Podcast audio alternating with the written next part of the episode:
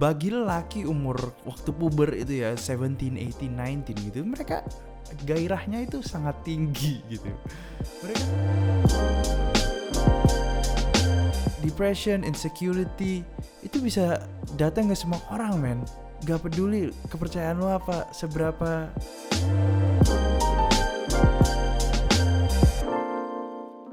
Hello everyone, welcome back to pada suatu ketika episode 52 Gimana kabarnya semua? Baik-baik saja ya hopefully. So last week we talk about burnout. For those of you yang belum dengerin Please make sure check it out. Karena kenapa? Karena menurut gue Episode itu bagus banget. Karena di luar sana banyak dari lu pada yang Lagi stress Lagi kayak I don't know man. Feel sad about your life So yeah, hopefully minggu lalu bisa inspire, bisa uh, give a positive impact to your life. So yeah, anyway, uh, this week's episode hopefully pendek. Yeah, hopefully I've been trying to make it shorter than it used to be, but ah, shit man, it's been like two weeks tapi ternyata nggak bisa pendek-pendek juga. But yeah, for today we are talking about mungkin gue bisa bilang kayak cerita hidup gue yang di mana gue pernah ada di dua spektrum yang berbeda tapi sebenarnya sama. Ah, penasaran kan lo kayak ceritanya gimana? So yeah, pada suatu ketika Alright, jadi pada suatu ketika waktu itu gue waktu itu masih di kelas 12 kalau lu pada udah dengerin episode-episode sebelumnya kayak episode awal-awal belasan gitu lu pada harusnya tahu cerita tentang ini di mana gue pernah ada di posisi di mana gue tuh uh, di sisi kelam hidup gue lah. Aduh sisi kelam gue tuh banyak banget ya kayaknya. Andre kayak hidup lu tuh penuh dengan apa sih? Gue bisa bilang hit rock bottom gitu kayak anjir ini cerita lu yang mana lagi di lu yang di di situasi bawah? Enggak enggak enggak dengerin dulu dengerin dulu oke? Okay?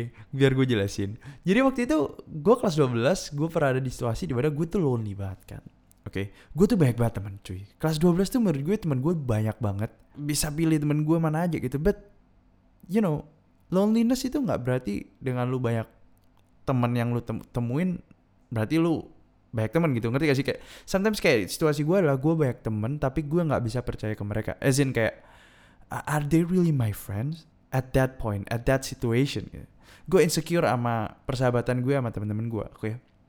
Dan di uh, situasi itu di situasi di mana gue insecure terhadap uh, persahabatan gue dengan teman-teman gue yang begitu banyak dari berbagai macam circle itu that's that's the reason why gue nggak setuju dengan orang punya banyak circle cause you're not focusing on uh, one particular group. Cause you know it's what's really matter is the quality over quantity right?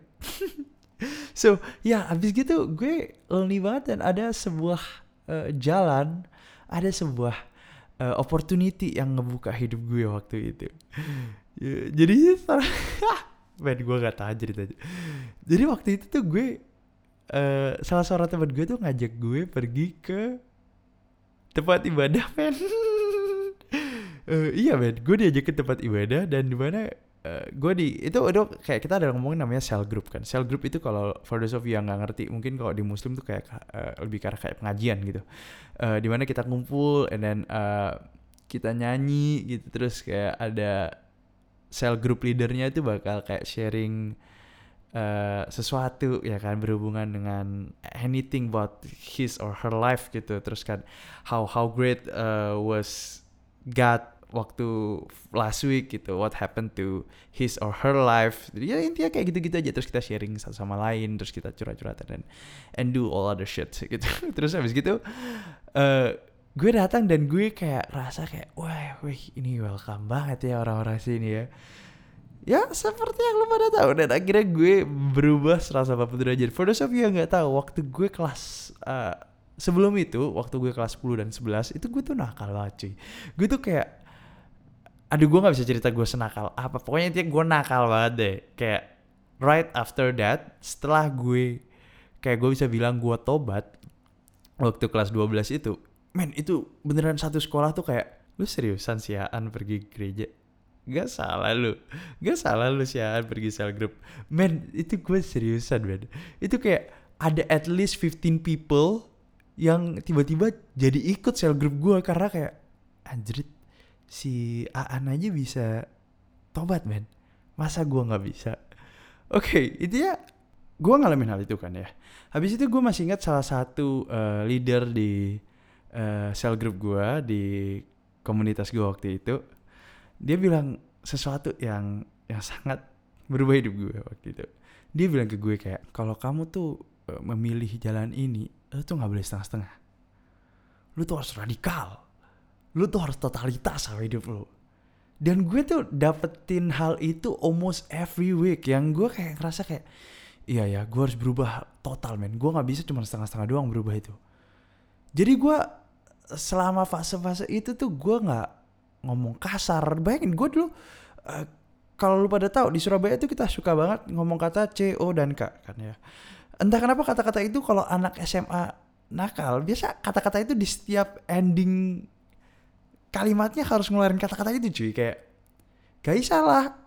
Uh, nah pasti pakai kata itu gitu dan gue selama transisi, men gue nggak pernah ngomong kata-kata kasar men karena gue ngerasa kayak iya ya gue gak boleh setengah-setengah secara uh, kalau gue mau tobat itu.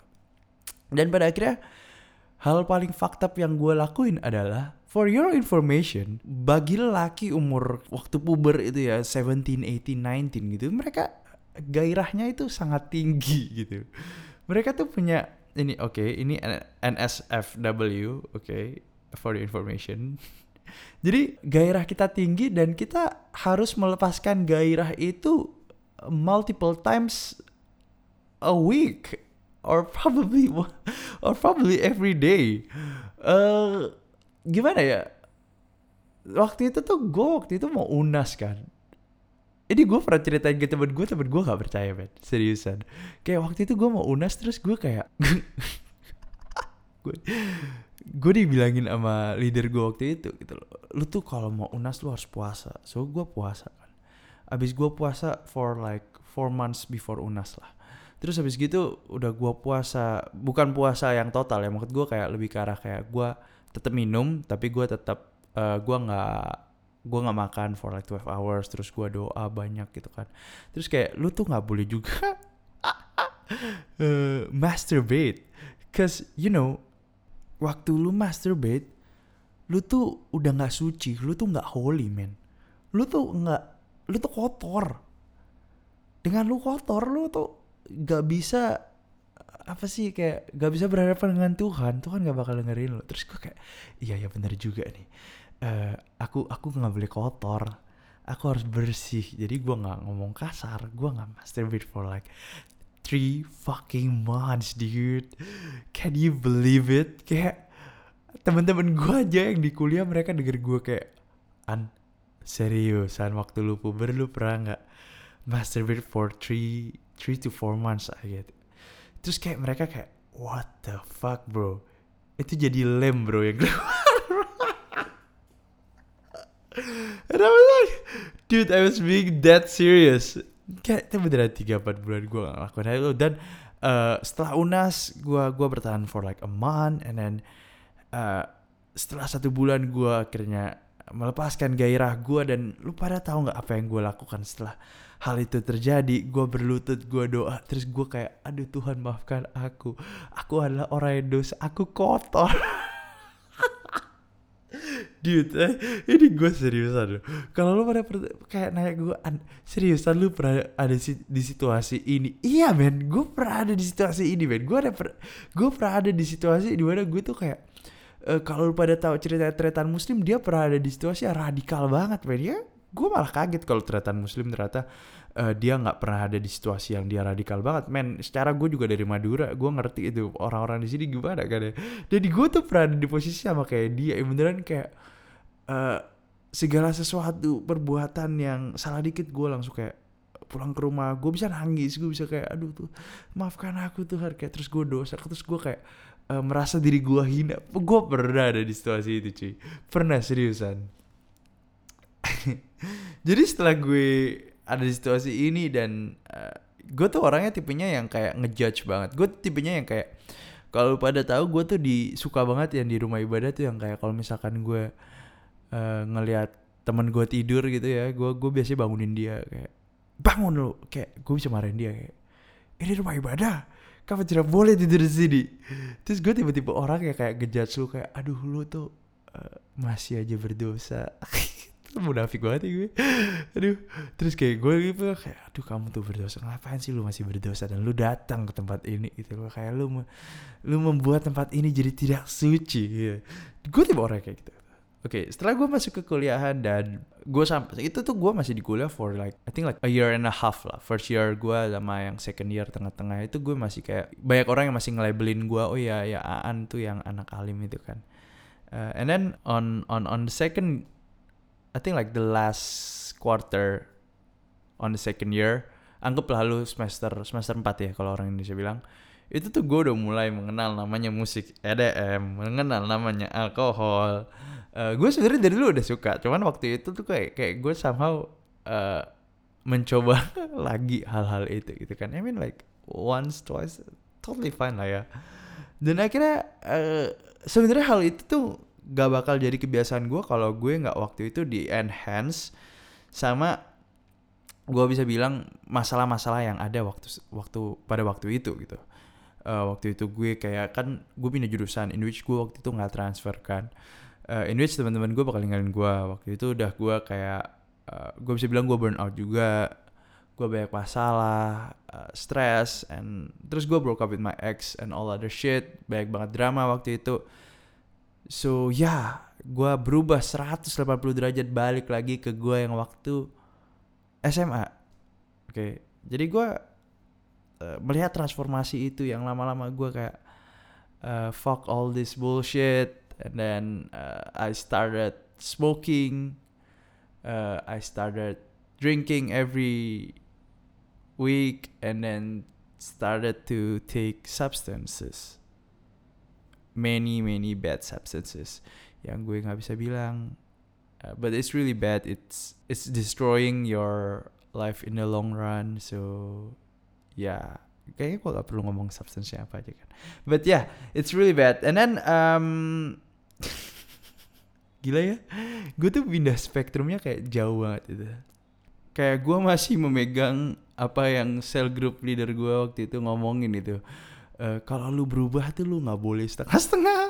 Lu harus totalitas men. Lu gak bisa berubah cuma kayak uh, di tengah-tengah kayak oh ya gue percaya tapi gue nggak percaya. Itu itu kalau nggak bisa lo harus pindah totalitas langsung ke spektrum satu ya itu oke intinya gue jadi anak yang uh, mungkin kalau gue waktu first year gue itu waktu first year gue itu nganggap diri gue adalah orang yang hina men. Oke oke.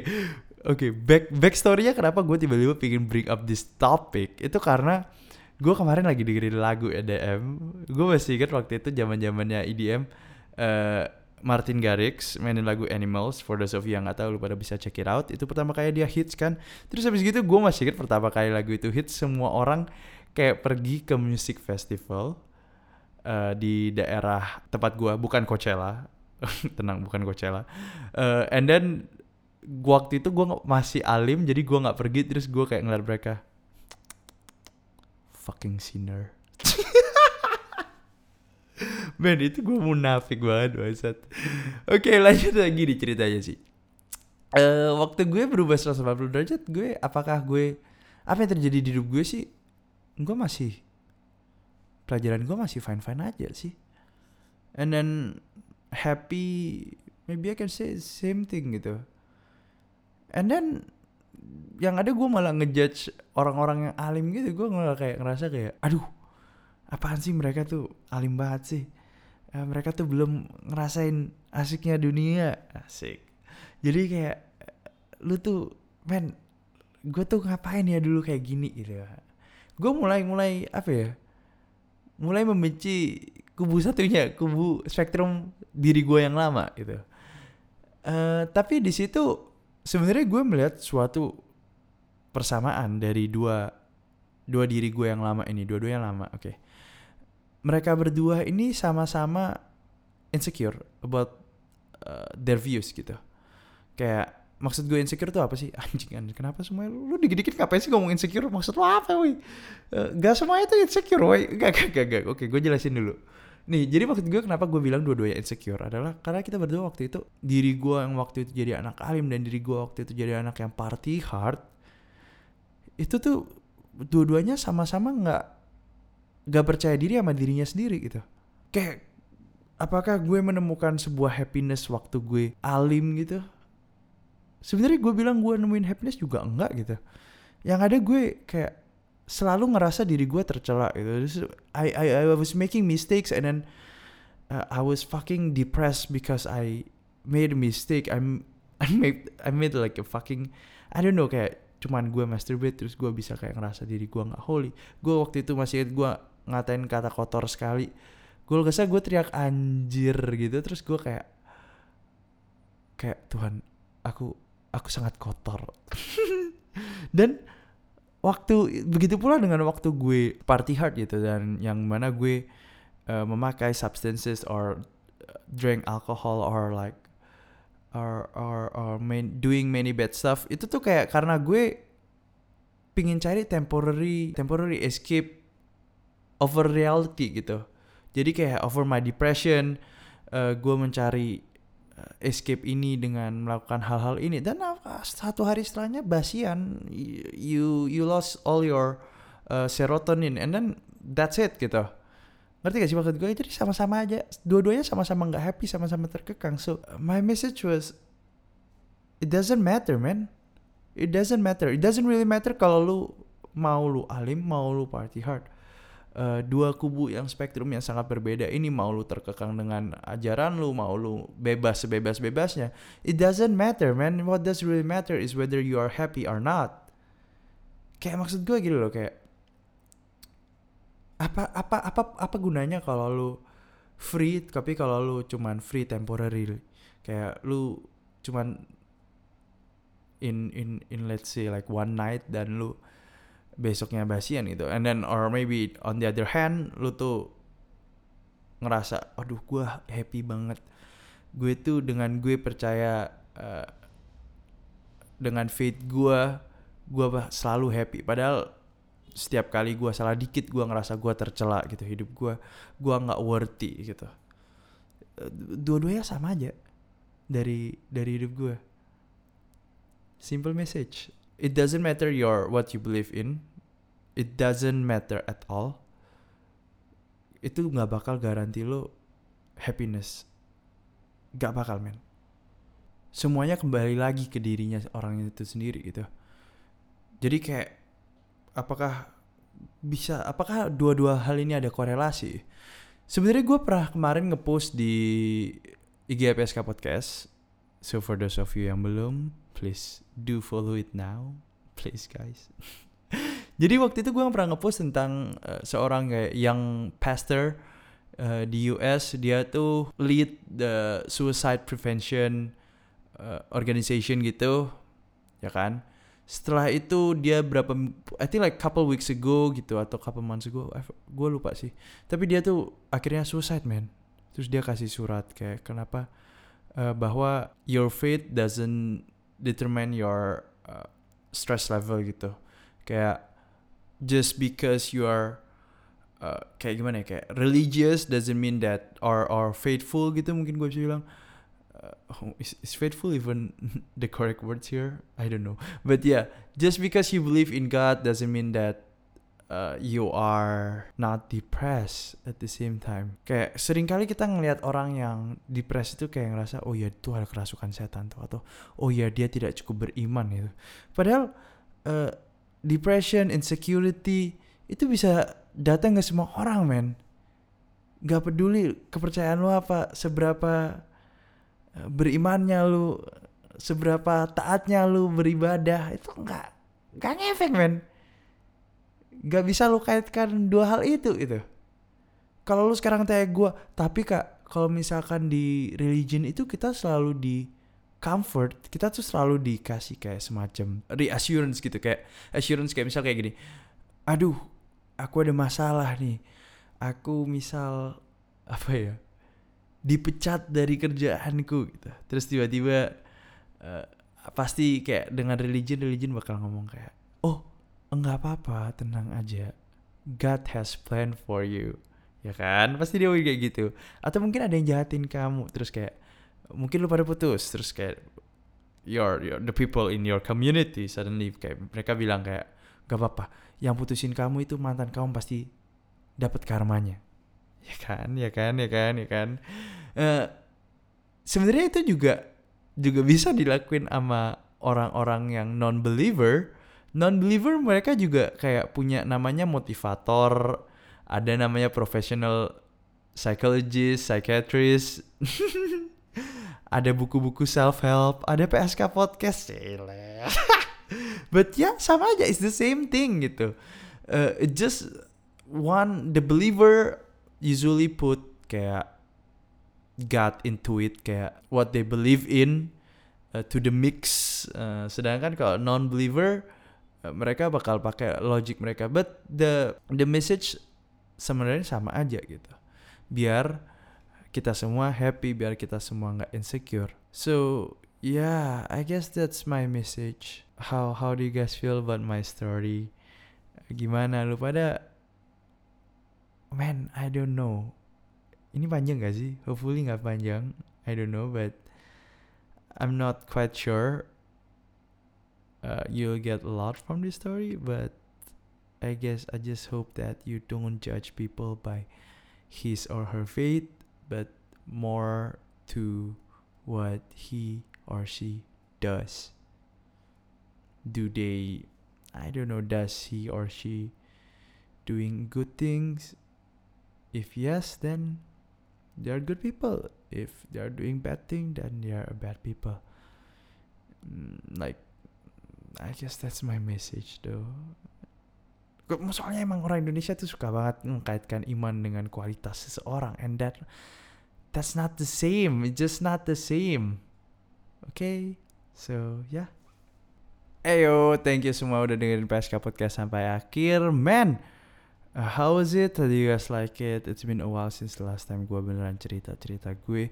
Uh, but ya, yeah, gue lumayan kangen cerita sih. So yeah, make sure uh, to subscribe. Gue bakal cerita lagi. And yes, for of you yang baru pertama kali ada di sini dan lu pada nggak pernah dengar cerita gue sebelumnya, yes, I'm I used to be one of those people yang lu pada mungkin bisa ngeliat gue misal ada cewek sama cowok pacaran di mobil dan gue bakal ngedor pintu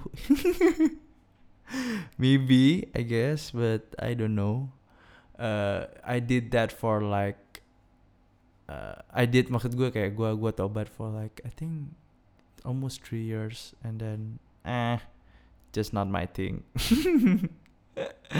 but Iya, gue gak bisa bilang ngomong tobat sih. Kayak the word, the, the idea of tobat tuh kayak ngerasa gue gue yang sekarang tuh kayak hina banget. Enggak men, sama aja men. Aduh, aduh, aduh, aduh. But yeah, anyway, uh, thank you so much guys for those of you yang udah dengerin sampai akhir. And I guess that's it. Don't forget to follow PSK Podcast. And I'll see you guys next week. See ya.